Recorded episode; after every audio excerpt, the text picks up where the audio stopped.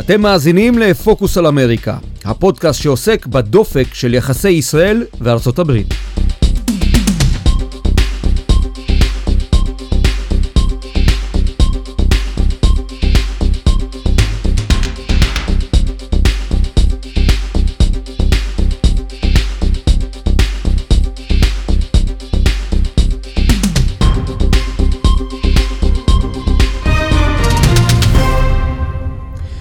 בן דרור ימיני הוא עיתונאי מוערך, פובליציסט, פרשן וגם מחבר הספר תעשיית השקרים, העוסקת בדה-לגיטימציה של ישראל ברחבי העולם, וגם, כמובן, בארצות הברית. בפרק הזה נדבר איתו על מה שקורה שם כעת, וגם על מתי זה התחיל. בן דרור ימיני, תודה שאתה מצטרף אלינו. תודה. תגיד, הסיפור הזה של דה-לגיטימציה, של פגיעה בשם הטוב של ישראל, של צד פוליטי במקרה הזה הפרוגרסיבי, שממש מסמן את ישראל כשטן הגדול, זה חדש או תופעה ארוכת שנים? לא, זה לא חדש. אה, קח למשל דוגמה, ה-BDS עצמו אה, כתנועה, כקמפיין, אה, התחיל בשנת 2005, אבל עוד לפני כן היו כל מיני זרמים שדיברו על בויקוט, כלומר על חרם, בלי שום קשר לתנועה שאנחנו מכירים היום. בשנת 2001 אה, כתב תום פרידמן אה, מהניו יורק טיימס מאמר שבו הוא אומר אה, אתם השתגעתם מה זו הצביעות הזאת ב-2001 מה זו הצביעות הזאת נגד ישראל כאשר בכל מיני קמפוסים יש כל מיני חרמות על ישראל. עוד לפני זה היו כל מיני תופעות אבל הן היו בשוליים. שלילת עצם זכות הקיום של מדינת ישראל הייתה בשוליים של השוליים. אה, נקודת המפנה היא פחות או יותר 2001, אה, ובאופן קצת מוזר, נקודת המפנה הייתה דווקא אה, פיגועי התופת בארצות הברית, 9-11. זאת אומרת, נדמה לכל מי שמאזין לנו ולכל מי שראשו פתוח, שבעצם זה היה אמור להיות להפך, וואו, יש לנו אויב משותף, הג'יהאד. באופן מאוד מעניין, באופן מאוד מוזר, קרה דבר הפוך לחלוטין. למה 2001 היא נקודת מפנה? זה בגלל שהיינו בתוך האינתיפאדה? כי כל תשומת הלב, או חלק גדול מהתשומת לב, היה מופנה למאבק הישראלי-פלסטיני, ושם מכונת השקרים הפלסטינית הצליחה לגבור על ההסברה הישראלית? תראה, יש אה, נטייה שאנחנו אה, קוראים לה אה, לצורך העניין פרוגרסיבית להזדהות עם הקורבן. אז זה לא משנה מה הנסיבות, זה לא משנה מה עשו הפלסטינים ומה עשתה ישראל. ברגע שישראל היא החזקה, ואין מה לעשות, ישראל היא החזקה, והפלסטינים הם החלשים, אז ההזדהות היא עם החלש. גם אם החלש אה, הוא התוקפן, גם אם הוא גזען, זה לא משנה. אה, ההזדהות איתו, אבל שנת 2001 היא אה, אה, ציון דרך בגלל אה, פיגועי התופת, לא כל כך בגלל מה שישראל אה, אה, עשתה לפלסטינים ומה שהפלסטינים עשו לישראל. יש נטייה להסתכל על האירופאים כמין סוג של אנטי ישראלים טבעיים. מצד שני, במשך שנים אמרנו, האמריקאים איתנו, ואני מנתק כמובן את כל מה שקורה כרגע, זה לא רלוונטי לדיון שלנו. מה בארצות הברית יצר את המומנטום האנטי-ישראלי? כלומר, האם זה הפרוגרסיביות? האם זה העובדה שבמפלגה הדמוקרטית צצו קולות שהם לא בהכרח מחויבים למדינת ישראל כמו שהיו אה, בחמישים שנים, הראשון, השנים הראשונות? מה מה השתנה שם, באמריקה הגדולה? אה, מדובר בתהליך ארוך אה, שההשפעה שלו בעצם התחילה באקדמיה, כן, דווקא באקדמיה. אה, כבר בסוף שנות התשעים כתב מרטין קרמר, המזרחן מרטין קרמר, שהיה בישראל בכל מיני תפקידים, היה בארצות הברית בכל מיני משרות אקדמיות, את הספר על האקדמיה האמריקאית, וכבר שם הוא בעצם אומר, משהו לא טוב קורה פה באקדמיה. אה, והכוונה היא לאותן אה, הטיות אנטי-ישראליות. אה, אחד האישים הבולטים ביותר, אנשים שבעצם יצרו את המפנה וחלק גדול מהשינוי נזקף לזכותם או במקרה הזה לרעתם, זה אדוארד סעיד עם אה, כל התיאוריות שלו לגבי אה, המזרח התיכון אה, ואני לא מדבר רק על הספר הידוע שלו אוריינטליזם אלא על ספרים נוספים כאשר בעצם הוא זה שיצר מפנה אדיר ומדהים. נדמה לי שהוא אדם שיצר את המפנה הגדול ביותר במדעי הרוח והחברה בארצות הברית כאשר רוב ההשפעה שלו הייתה אכן בשנות התשעים כלומר, ישראל היא ישות קולוניאליסטית, אימפריאליסטית, הפלסטינים הם קורבנות, וכל מה שלימדו אתכם עד עכשיו זה מה שהוא סיפר שם לאמריקאים, פשוט לא נכון, כי ישראל היא מין שלוחה מערבית, אימפריאליסטית, ולכן כל אדם שפוי צריך להיות בצד של הפלסטינים.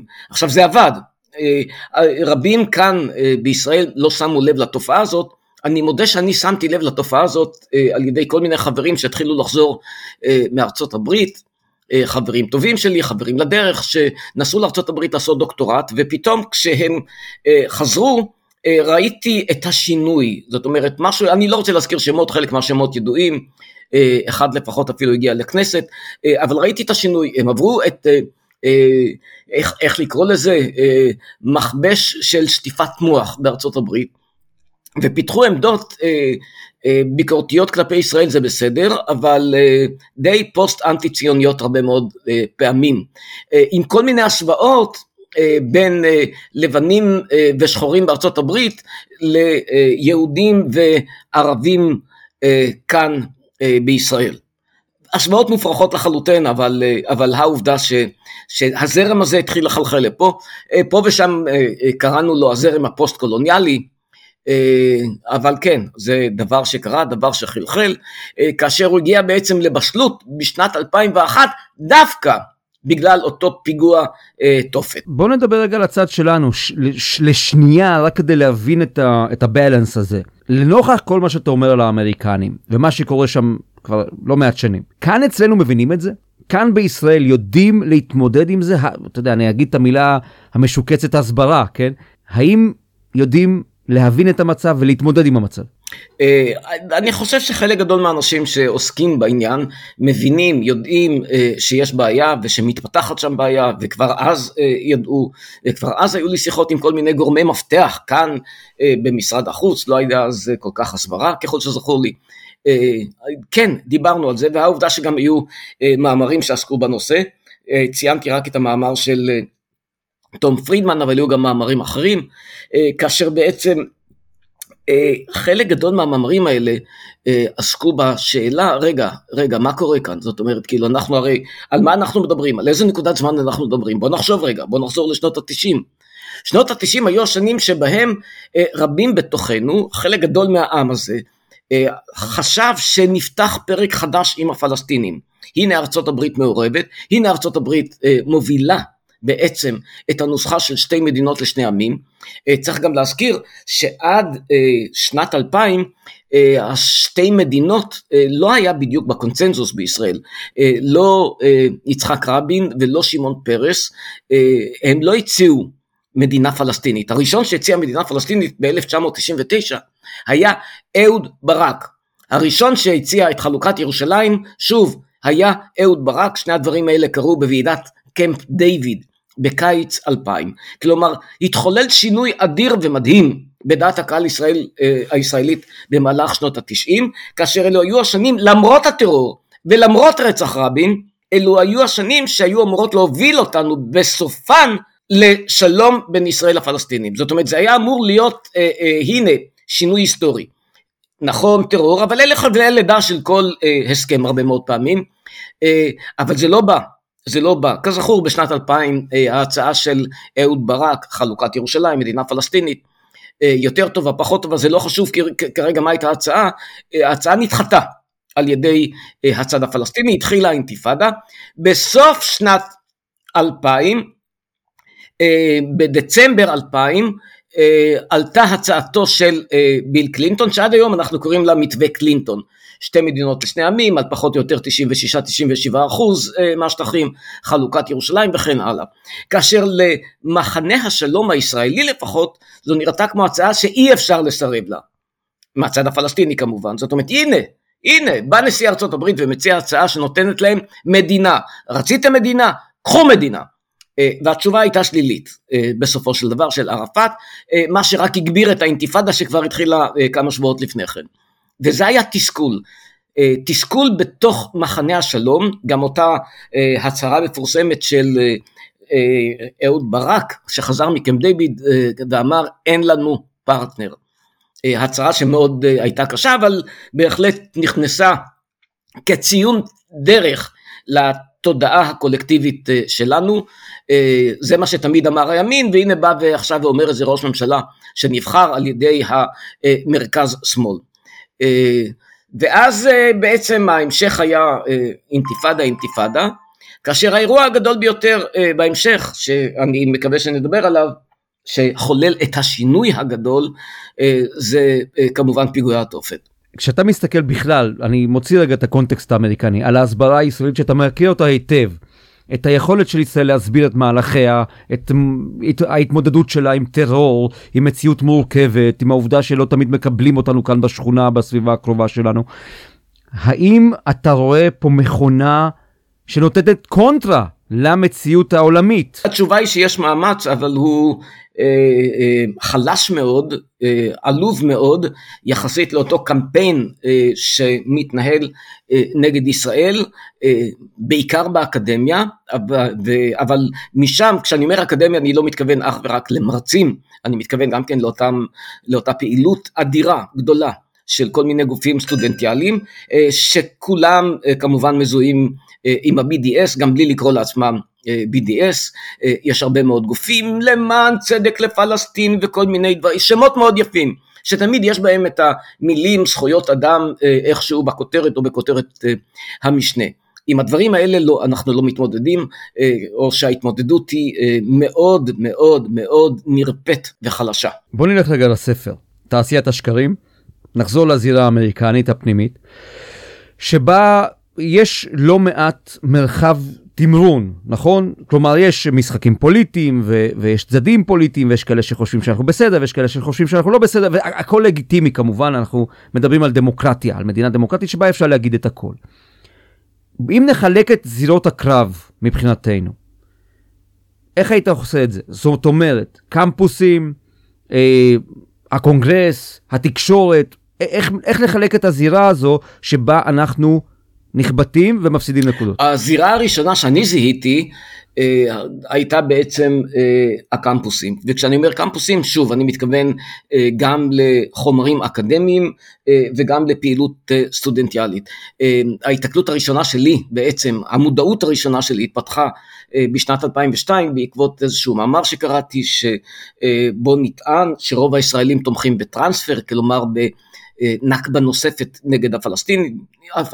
עכשיו אני מדבר רק על מאמרים שפורסמו באנגלית והיו חשופים אה, לקהל דוברי האנגלית או מאמר אחר אה, שבו בכתב עת יוקרתי אה, בלונדון שאומר שישראל לא זקוקה לתאי גזים כדי לבצע השמדה, היא מבצעת, גורמת לכך שתהיה תמותה אדירה אה, של תינוקות, הנה הישראלים הם בעצם אה, הנאצים, אה, ש, שאני קראתי את המאמרים האלה ובתור מי שבא ממחנה השלום אמרתי רגע רגע רגע מה זה הדבר הזה ואני מודה שאז ב-2002 זה הוביל אותי למחקר. עוד לפני כן, עוד לפני כן, בשנת 2001-2002 קראתי הרבה מאוד מאמרים שהכותרת המשותפת שלהם הייתה ואני מדבר כרגע בעיקר על מאמרים של אנשי אקדמיה, הכותרת המשותפת שלהם הייתה אה, למה הם שונאים אותנו. כלומר, האמריקאים ניסו להבין את התופעה, רגע, מה קורה? למה, למה בעצם פגעו לנו אה, פגיעה כל כך קשה, כל כך אנושה, במגדלי התאומים, בפנטגון וכולי? מה, מה הם רוצים מאיתנו? מה עשינו רע? עכשיו, באופן מאוד מאוד מעניין, אה, אה, היה שם תהליך של מכנה משותף הייתי אומר של המאמרים האלה, שבעצם הטענה היא, לא, זה לא בגללם, זה בגללנו, אנחנו לא בסדר. עכשיו, מה אנחנו לא בסדר? אנחנו לא בסדר כי אנחנו אימפריאליסטים, אנחנו לא בסדר כי אנחנו קולוניאליסטים, אנחנו לא בסדר כי יש לנו נוכחות צבאית אה, במדינות אה, ערביות, וזה מאוד מרגיז הרבה מאוד אה, אנשים, כמובן של האסלאם הפוליטי. אנחנו לא בסדר, ופתאום בין ה"אנחנו לא בסדר" הופיע הסיפור של אנחנו תומכים בישראל ואנחנו נגד הפלסטינים. בהסברים הכביכול אקדמיים. עכשיו סדרת המאמרים הזאת בעצם יצרה מצב חדש. הנה מצאנו את הקורבן.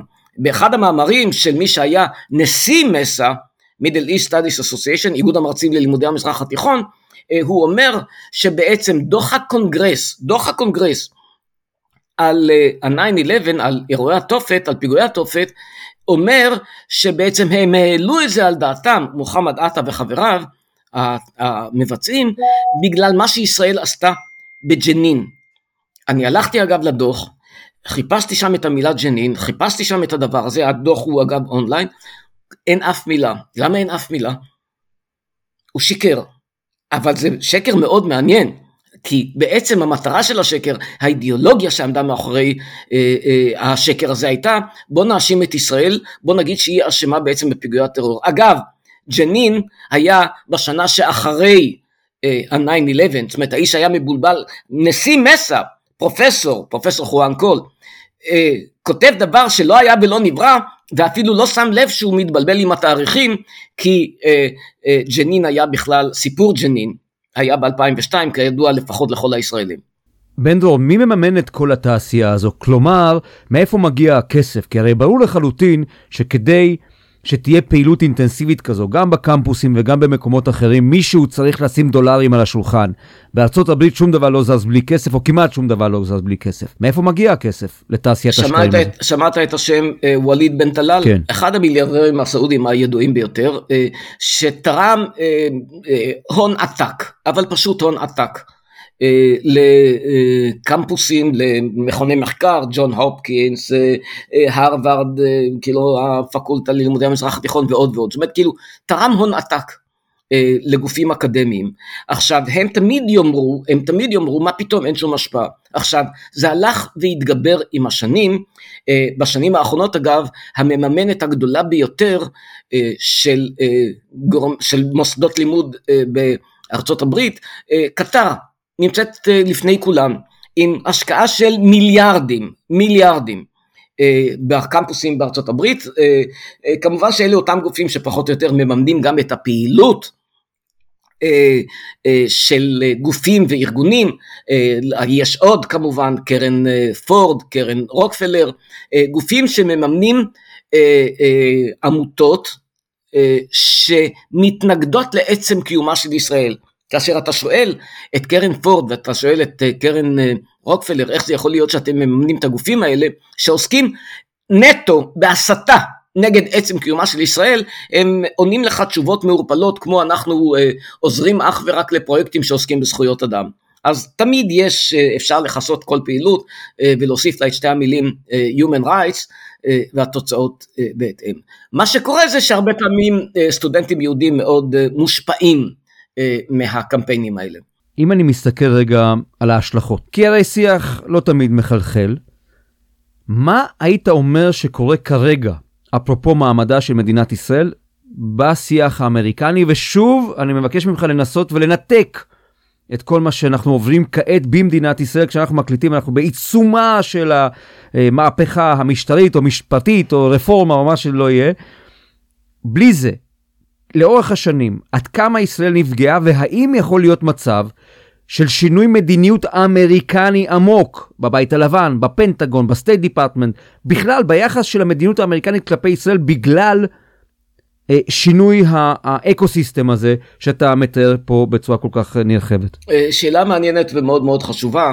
אה, בסופו של דבר דברים מחלחלים. נכון לרגע זה יש בסך הכל אה, אי שם בין ארבעה לשישה חברי קונגרס אה, שתומכים ברמה זאת או אחרת אה, ב-BDS ולגמרי שבויים באותה תעמולה, יש עוד הרבה מאוד חברי קונגרס ששייכים לצד הליברלי פרוגרסיבי עם טענות כלפי ישראל, הדברים באים לידי ביטוי למשל בכל מיני מבצעים שיש לישראל בעזה, שאז גם אלה שנחשבים לידידי ישראל מצטרפים לכל מיני מכתבים לבית הלבן או ל State Department שבהם הם אומרים אה, רגע נא לרסן את ישראל כי מה שקורה זה לא בסדר.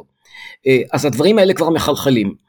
אה, והם מחלחלים גם לאלה שאנחנו כל הזמן מחשיבים אותם ובצדק לידידי, ישראל. אני לא רוצה עכשיו לפרט בדוגמאות, יושב ראש ועדת החוץ והביטחון של הקונגרס, מננדז ואחרים שהם באמת ידידי ישראל. והנה הם אה, התרעמו עלינו והיו בין אלה שחתמו על מכתבים אה, נגד הפעילות הישראלית. כאשר הגישה היא פחות או יותר מותר לכם להתגונן אבל אתם קצת מגזימים. עכשיו איפה ההסברה הישראלית נכשלת? היא נכשלת בכך שהיא לא הצליחה להסביר שבעצם החמאס אה, זה לא אה, משהו ששונה בהרבה אה, מאל קאידה ומהמדינה האסלאמית. בדבר הזה נכשלנו, נכשלנו אפילו כישלון חרוץ, והתוצאה היא בהתאם. למה?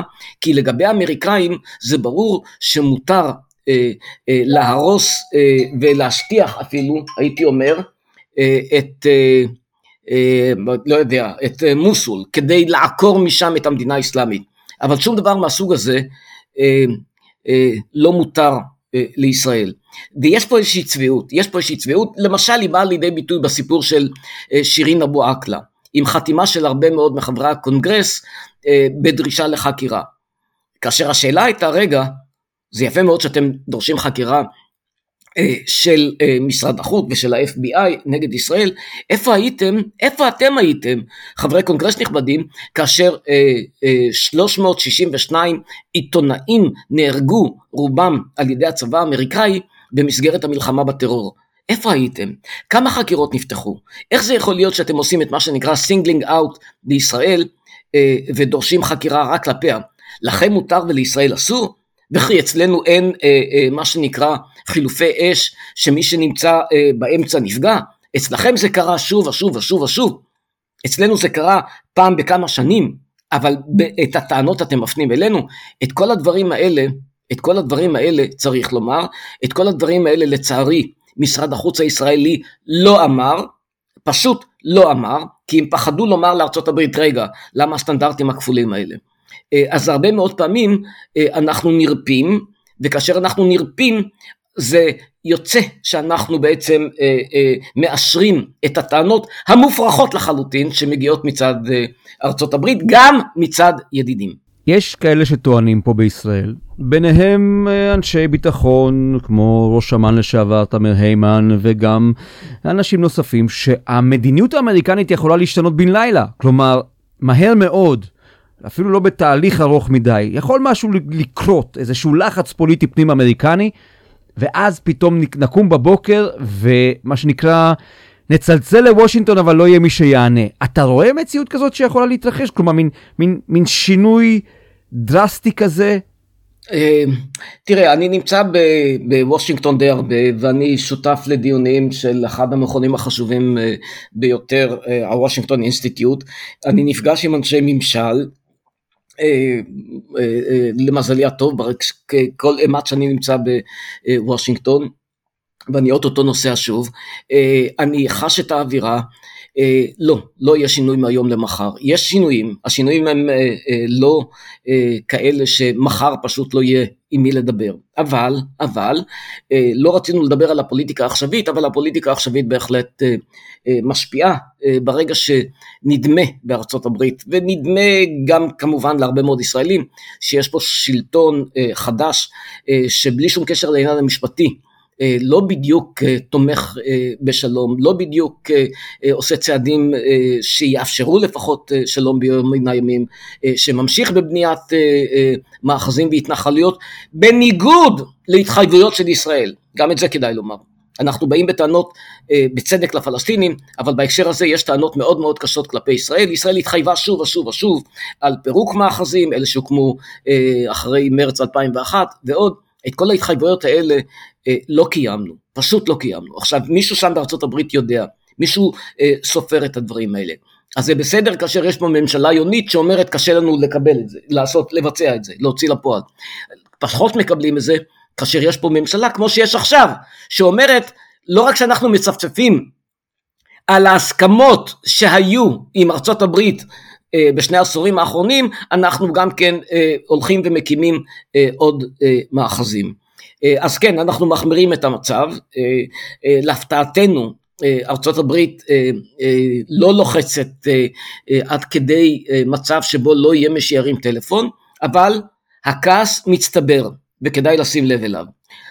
אוי לנו ואבוי לנו אם נהיה אטומים אה, לכעס הזה ולאשליה הזאת שאנחנו יכולים לעשות כל מה שאנחנו רוצים ולהמשיך ולקבל אה, כל מה שאנחנו רוצים מארצות הברית. כלומר אתה אומר אה, בסך הכל אנחנו בדדלוק כי זה מעגל שלא באמת אפשר לפרוץ אותו, שלום לא יהיה, נכון? יש, יש קונצנזוס שלא לא מאיים עלינו שלום. אז מה עושים? אני יכול להגיד לך מה, מה עולה בשיחות שיש לי גם עם אה, אה, אה, כל מיני פקידים בארצות הברית, כאשר אני נמצא בוושינגטון, גם אם אין שלום אפשר לבנות צעדים שביום מן הימים, כאשר זה יהיה אפשרי, אפשר יהיה לממש אותו. מה שברור הוא שאי אפשר להמשיך לבנות מאחזים ולהרחיב עוד ועוד התנחלויות ולהקים שכונות חדשות כפי שקוראים לזה לפעמים ולהגיד אנחנו רוצים בשלום. זה לא עובד, זה לא הולך. אז נכון ש-98% אה, מהאשמה מוטלת על הפלסטינים, הם תמיד אמרו לו, תמיד, אבל תמיד, זה לא חשוב מה הציעו להם, הם תמיד אמרו לו, אה, זה נכון, אבל זה לא, זה לא דבר שמצדיק אה, את המשך הבנייה בשטחים מצד ישראל. למה? כי אנחנו יוצרים מציאות של מדינה אחת. ואפרופו אותה דעת קהל בקמפוסים בארצות הברית, שם הנה רק עכשיו כשאנחנו מדברים יוצא ספר חדש של אה, שורה של סקולרס, אה, אה, מומחים לנושא המזרח התיכון, כאשר בעצם הם מטיפים שם להקמת מדינה אחת. הנה הרעיון של ה-BDS כבר מקבל איזשהו, איזושהי כסות אקדמית לחלוטין, בואו נקים פה מדינה אחת, כי, למה? כי בעצם ההפרדה בין ישראל לפלסטינים כבר בלתי אפשרית. אנחנו גורמים לצרה הצרורה הזאת. כלומר, בן דרור, אתה אומר לנו שבגדול, מה שמייצר את הנרטיב הזה, את ההיחלשות של המעמד הישראלי, זה הנושא הפלסטיני. זה מחלחל. גם אם זה לוקח הרבה שנים, בסוף זה חודר ליותר ויותר שכבות. בקרב האמריקנים וגורם לנו לנזק. חד משמעית, אבל כדי למנוע את זה, זה לא, אנחנו לא נדרשים ליותר מדי. כדי למנוע את זה, כל מה שאנחנו צריכים לעשות זה לומר, אה, רגע, בוא נקיים לפחות את הצד שלנו בהסכמים שנחתמו אה, עם ארצות הברית. אה, אה, מפת הדרכים לשלום זה הסכם שמחייב את אה, מדינת ישראל עד היום, למה אנחנו לא מקיימים אותו? נכון, הצד הפלסטיני לא מקיים, הטענה נכונה, אבל בוא נקיים אנחנו. עכשיו, לצורך העניין, אף אחד לא ידרוש מאיתנו אה, לפנות את אה, קדומים, כן ידרשו מאיתנו לפנות את אותם מאחזים שהוקמו באופן בלתי חוקי וממשלת ישראל. היא זו שהכריזה עליהם כבלתי חוקיים בעליל. אבל גם את זה אנחנו לא עושים. במקום לפנות אותם אנחנו נותנים מכשירים אותם. אלה דברים אלה דברים שהם מצטברים. אלה דברים שמאוד מרגיזים אה, את ארצות הברית. ובצדק מרגיזים אגב אגב לא רק את ארצות הברית הם מרגיזים לפחות 50% מהציבור בישראל. בן דרור ימיני, מחבר הספר תעשיית השקרים, מרתק כרגיל, תודה רבה, נמשיך לעקוב. עד כאן פוקוס על אמריקה. תודה והמשך נעים.